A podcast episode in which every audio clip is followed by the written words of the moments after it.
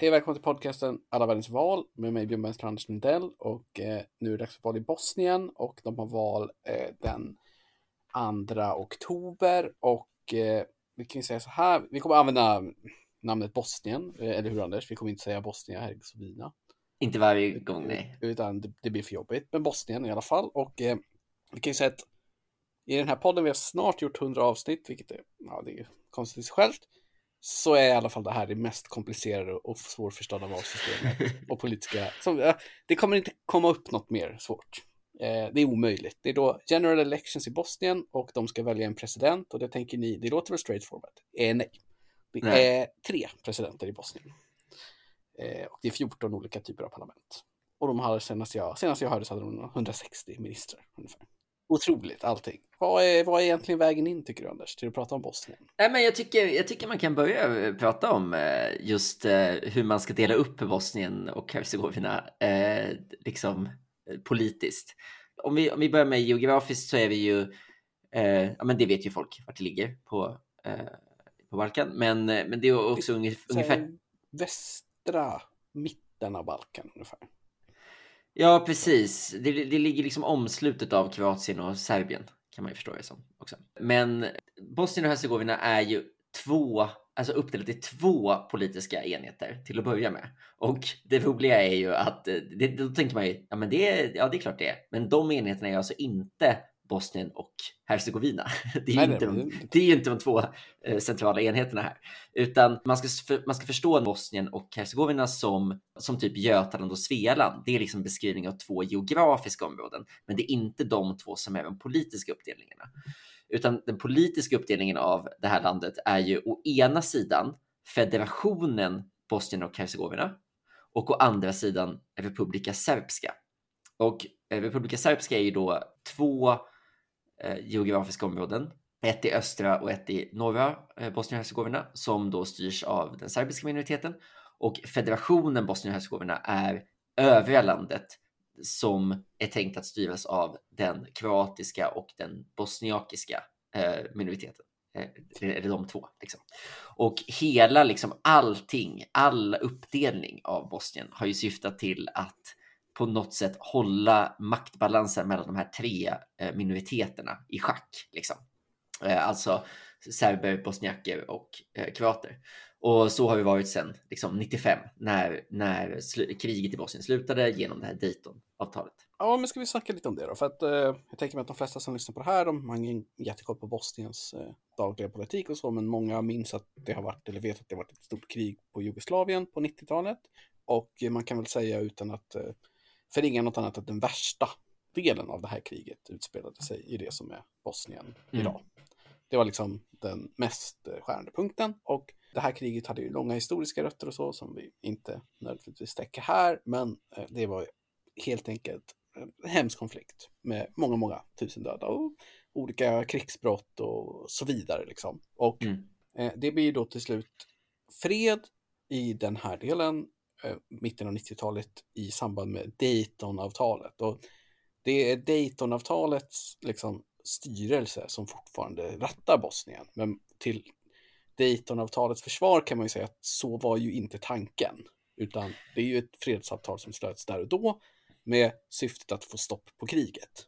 Mm. Och då designade man ett politiskt system som på ytan verkar ha otroligt många eh, Eh, vetospelare, otroligt svårt att bilda en majoritet och ett konsensus. Och man har liksom delat upp institutionerna i tre delar överallt och man har dessutom en extern aktör som heter The High Commissioner som är liksom någon slags eh, domare nästan i om de här skulle bli oense. Men det här gjorde man för att stoppa kriget, liksom. inte för att tänka att så här ska Bosnien regeras i all framtid. Nej, just det. Men eh, de har ju fortfarande det här systemet. Då. Och, de har fortfarande, och man håller fortfarande på med övergången till det nya systemet. Den är liksom, det är liksom inte färdigt utan, utan det här OHR, eller Office of the High Representative, är, liksom, är ju fortfarande, ja men domar är ett bra begrepp. Det är liksom fortfarande liksom en överrock som hänger över Bosniens demokrati och fortfarande liksom de facto styr Bosnien. Liksom. Och, och man kan ju säga att det var ju liksom stormaktspolitik som skapade den här eh, situationen som är nu. Det är liksom ett amerikanskt initiativ egentligen med, med EU-intressen och ryska intressen och liksom, Mm. alltså det är ju liksom få länder som känns som att de även idag har sin konstitutionella eh, status eller situation så hårt knuten till andra länder. Jag liksom Mm. aldrig riktigt hört att andra länder har så mycket inflytande på ett lands eh, system som det är i Mm.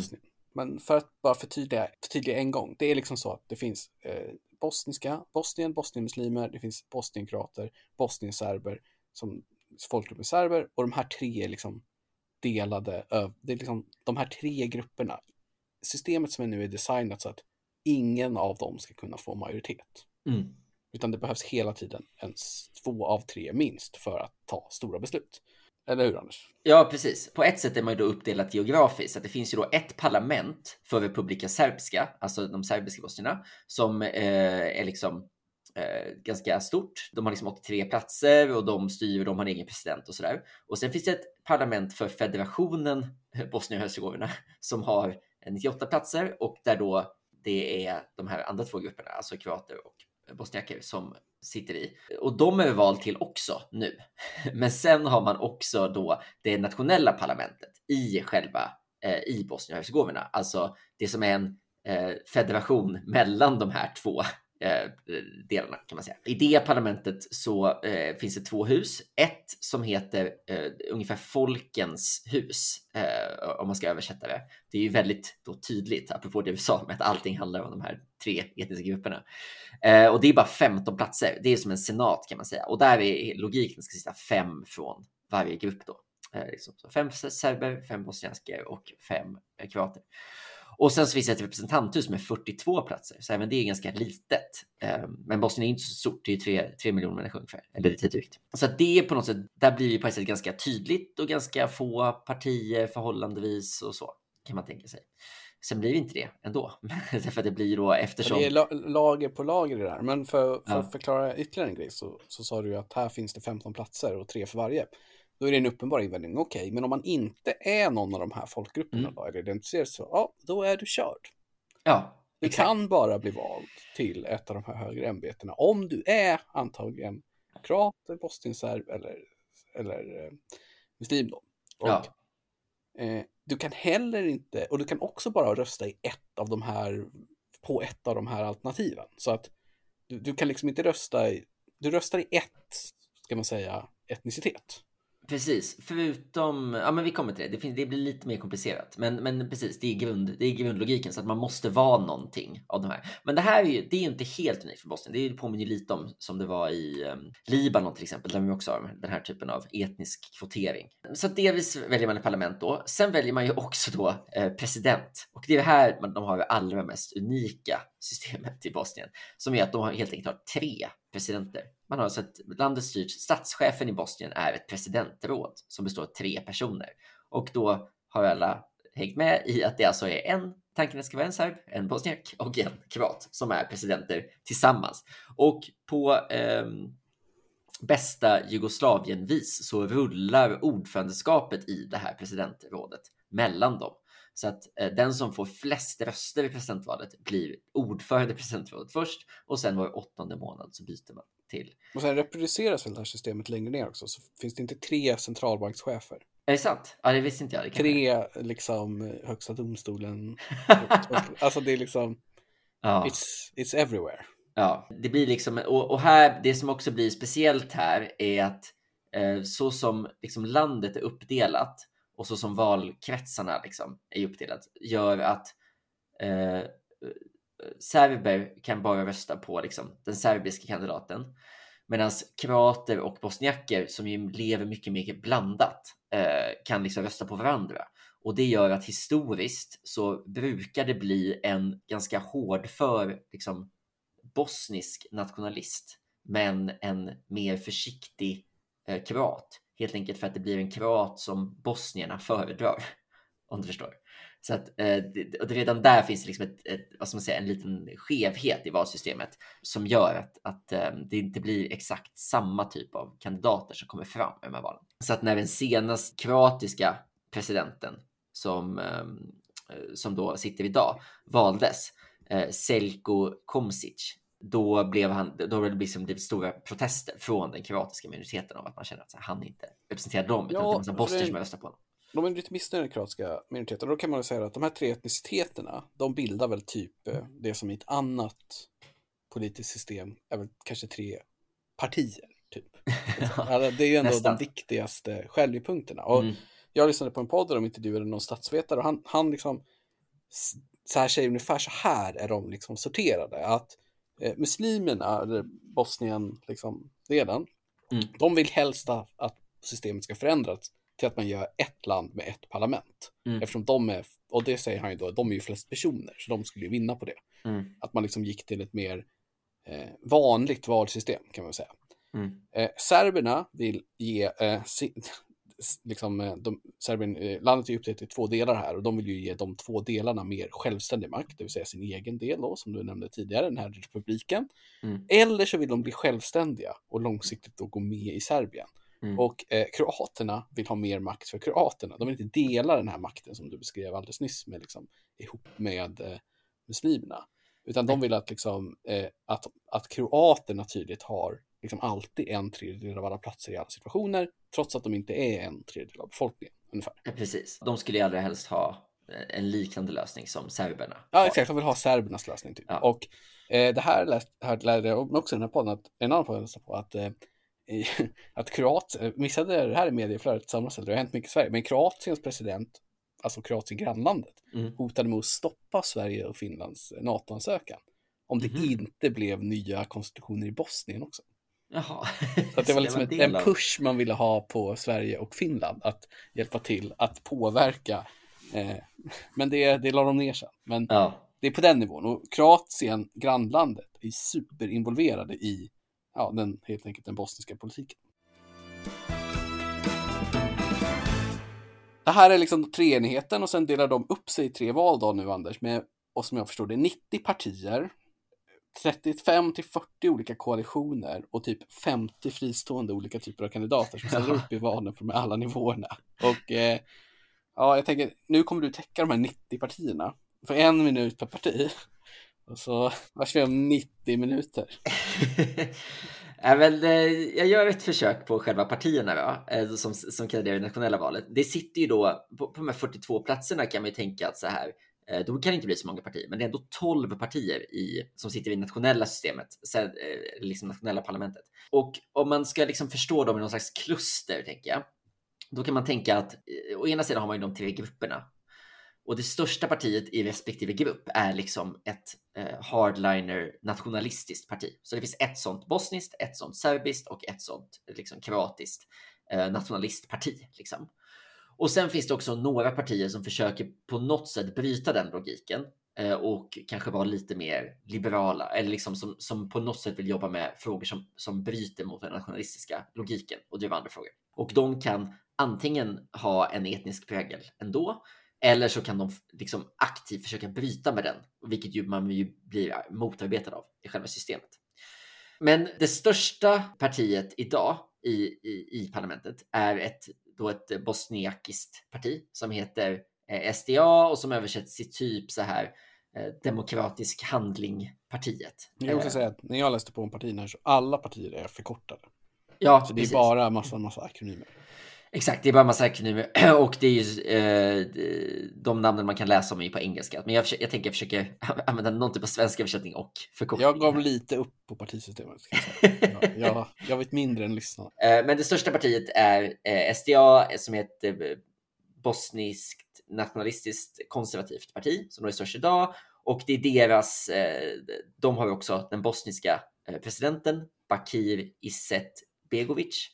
Eh, och han är också son till landets första eh, president, eh, Alija Izetbegovic, som var president då 95 till 2000. Eh, Men det, här, det, är, det är liksom ett, eh, de har då åtta av de här 42 mandaten, alltså typ eh, en femtedel av platserna. Ja, men beskrivs som konservativt och ganska nationalistiskt. Sen så finns det ett socialdemokratiskt parti eh, som också är liksom försöker tona ner ett, den etniska gränsen, men som ändå är störst bland eh, bosniaker.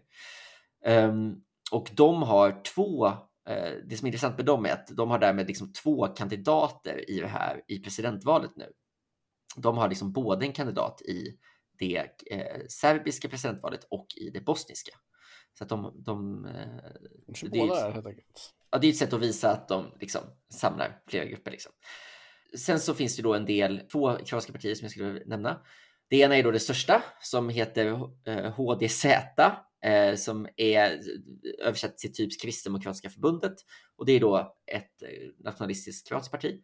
Och sen finns det ett parti som förkortas DF och man kan kalla det Demokratiska fronten. Och det är då ett mer eh, socialliberalt, EU-tillvänt, multietniskt parti, men som då är, eh, har en liten slagsida åt det kroatiska. Och det var de som vann den kroatiska presidentposten då, eh, trots att de då inte är det största kroatiska partiet. Och det tyder då på att det är för att det är andra än eh, kroater som har röstat på den presidenten. Och sen så finns det ju två serbiska partier också. Eh, eller det finns flera, men jag tycker att det, är två som är Jag relevanta sa att ju nämna. 90 va? Så det, Ja, jo, men i det nationella parlamentet eller i övergripande parlamentet. Det det, blir kan, svårt. det kan det ju max få vara 40, 45 partier. Ja, precis. topp- 40, 42. Det är topp. Eh, men eh, det det är ju 12 då. Men, men det är två som jag tycker är intressant att nämna. Det ena är då eh, SNDS som betyder typ de fri, Unionen av fria socialdemokrater som är eh, precis som i många delar av Östeuropa ett socialdemokratiskt parti till namnet, men framför allt ett kanske liksom eh, ganska konservativt ryskvänligt parti. De har blivit uteslutna ur socialistinternationalen till exempel eh, för att de in, inte av de andra medlemmarna anses ha tillräckligt eh, socialistiska värderingar. Eh, och de har då den serbiska presidenten nu, Dodic, som är en väldigt Eh, betydelsefull person just nu med allt som händer i, i Bosnien och framförallt i Republika Serbiska. Eh, och är då näst största parti i parlamentet eh, och så. Och sen så finns det ett, sen så finns det liksom, de utmanas i presidentpost, i presidentvalet av två partier. Eh, men och det som är det kanske största av dem heter Serbiska demokratiska partiet och har, verkar ha svängt lite. De var liksom ett hardliner nationalistiskt parti förut och hade presidentposten eh, för 20 år sedan och sådär. Men verkar nu ha blivit ett mer, eh, vad ska man säga, ett lite mer moderat högerparti som är så här EU-vänligt, marknadsliberalt och kanske liksom då lite mindre liksom etno nationalistiskt eh, ändå det, det här större, lite ja, till namnet Vänsterpartiet som då Eh, är störst idag. Och sen så vill jag ändå nämna det sista eh, som eh, heter Nasa Stranska, alltså vårt parti eh, kan man översätta det till. Och det är ett multietniskt parti som uttalat då eh, vill liksom minska de här spänningarna. Och de styr i Sarajevo idag, så det är ju liksom betydelsefullt, men de är ganska litet på nationell nivå och grundat av en känd regissör, Danis Tanovic. Den enda från Bosnien som har vunnit en Oscar faktiskt. Jaså? Ja, men det är, ju, det, det är ju väldigt spännande att följa lite hur det går för dem i valet eftersom de så aktivt försöker bryta med den här etniskt uppdelade logiken. Liksom.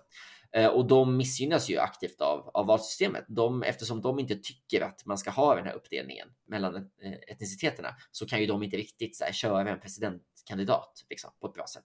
Utan de, de blir då förpassade till de lokala valen och parlamentsvalet. Jag, jag tycker det blir mest spännande att följa hur det, hur det slutar för eh, MS då, nästa svenska.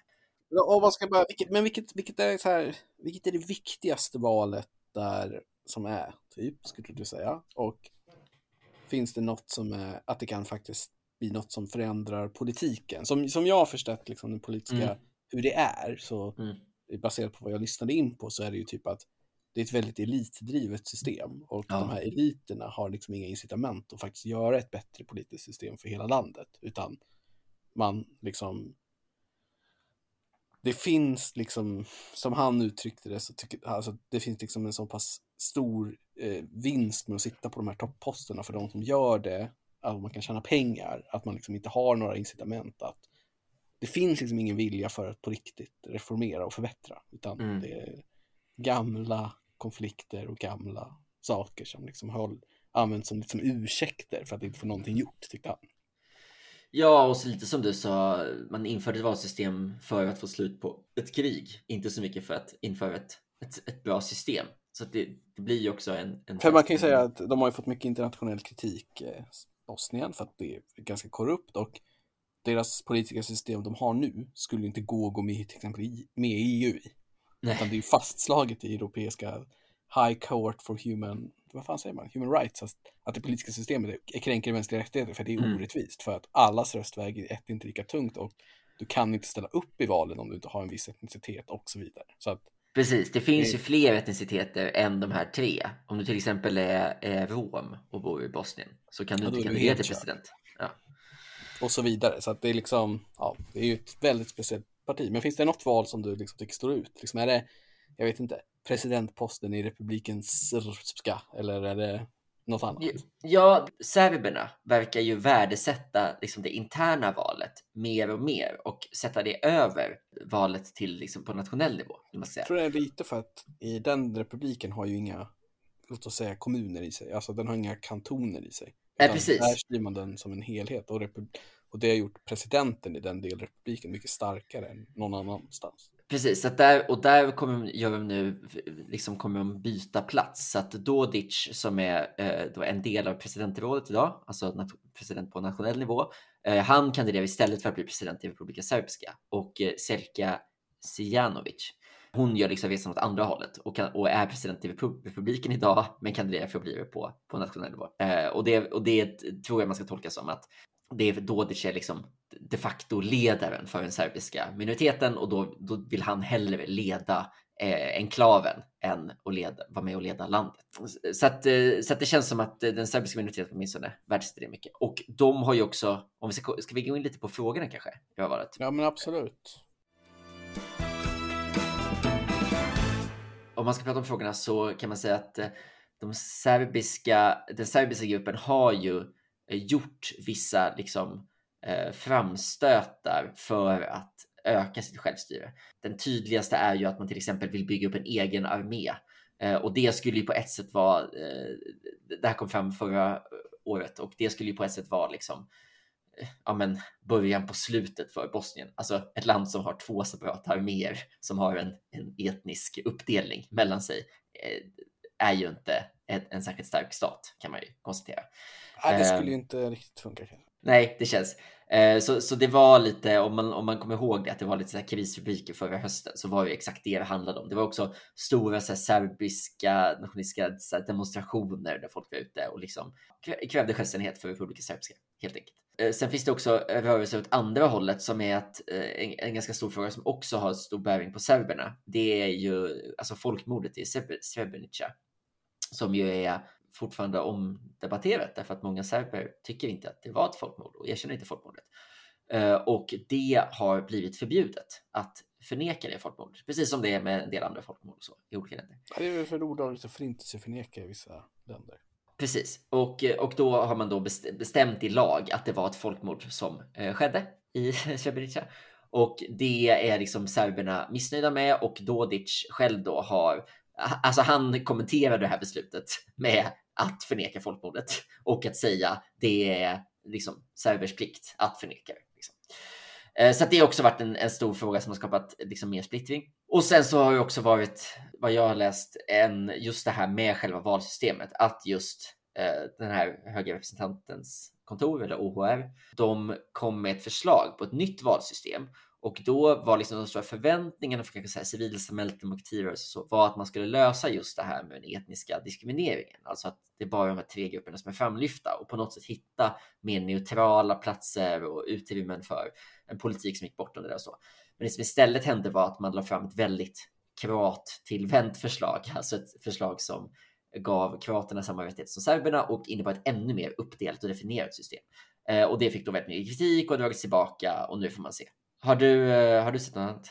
Någon annan fråga? Nej, det kan jag inte säga, men det är ju också så här, men det är ju ett speciellt land eftersom de viktiga frågorna, eh, så här, väldigt många frågor verkar ju inte diskuteras på så sätt. Eller på, så här, på, det kan inte jag, jag, så nära följer jag inte, jag ska ju ta det lugnt. Men vi Mm. säger så här, 400 000 människor har lämnat Bosnien sedan 2014. Folk flyttar ju uppenbarligen med, äh, röstar ju med fötterna istället för i valen som har väldigt Ja. deltagande. Och de har ju haft otroligt, det är ett Europas mest korrumperade, det är Europas mest korrumperade land. Det är jättehög arbetslöshet, jättelåg ekonomisk tillväxt. Landet var ju nästan förstört efter det här kriget. Jätteproblem med covid-19 och sen nu eh, i samband med Ukraina-konflikten så skjuter ju inflationen i höjden på ett helt annat sätt också. Och det är ju liksom, ja, det går ju dåligt verkligen. Liksom, Mm. Alltså för alla de här typerna av indikatorer och just den enorma utflyttningen. Och, alltså, ja. Så det är ju ett land med enorma sociala utmaningar och ekonomiska. Men givet det politiska systemet man har så finns det ju liksom ingen riktig sätt att tackla det. Jag har ju förstått att det kommer, att det finns liksom oppositionella politiska krafter som vill jobba med de här sakerna. Men ja, det känns ju svårt. Liksom. Mm. Men eh, det finns ju en, eh, vad heter hon, Kristo. Hon är ju den första woman som har chans att bli president. En av presidenterna. Ja, den serbiska. Ja, men precis. Ja, precis. Eh, och det är Eh, ändå en lit, skulle väl vara en liten förändring. Men sen är det ju också ett land med liksom Rysslands kopplingen och Rysslands grejer i Balkan. Och egentligen så borde ju de som är blir progressiva i Mm. Bosnien vill ju hitta en väg till, långsiktig väg till ett EU-medlemskap. Det är ju liksom Mm. det som man ser som möjligheten för ett bättre land. Mm. Den vägen finns ju inte heller erbjuden av Europa. Det, alltså så här, det, det känns lite hopplöst. Ja, gud ja. Det är verkligen eh, bestående känslan man får här är att det är liksom otroligt eh, bakbundet för all typ av utveckling. Eh, och att väldigt mycket han sitter i, liksom, eller, såklart sitter väldigt mycket i historien och liksom att statsbildningen i sig har jättemycket utmaningar. Men, men det återspeglas ju verkligen också i valsystemet. Ja, vi kommer i alla fall inte ge någon prediktion på hur det går här. Utan det, Nej, det kan vi inte göra. Men jag kan säga att så här, jag, jag tycker man kan, eh, just apropå det här med progressiva röster så, så får man kolla lite på hur det går i, i Sarajevo och ifall NS då, eh, det här eh, multietniska eh, socialliberala partiet, om de behåller makten och kanske, och kanske till och med ökar på nationell nivå och så. Det skulle ju kunna vara någonting man kunde, man kunde följa. nej men det var Bosnien då. Får vi se vad, vi, vad är nästa val vi gör. Det är Lesotho, tror jag. Spännande litet kungadöme i Afrika. Så det ser vi fram emot. Vi hörs då. då. Mm, det gör vi.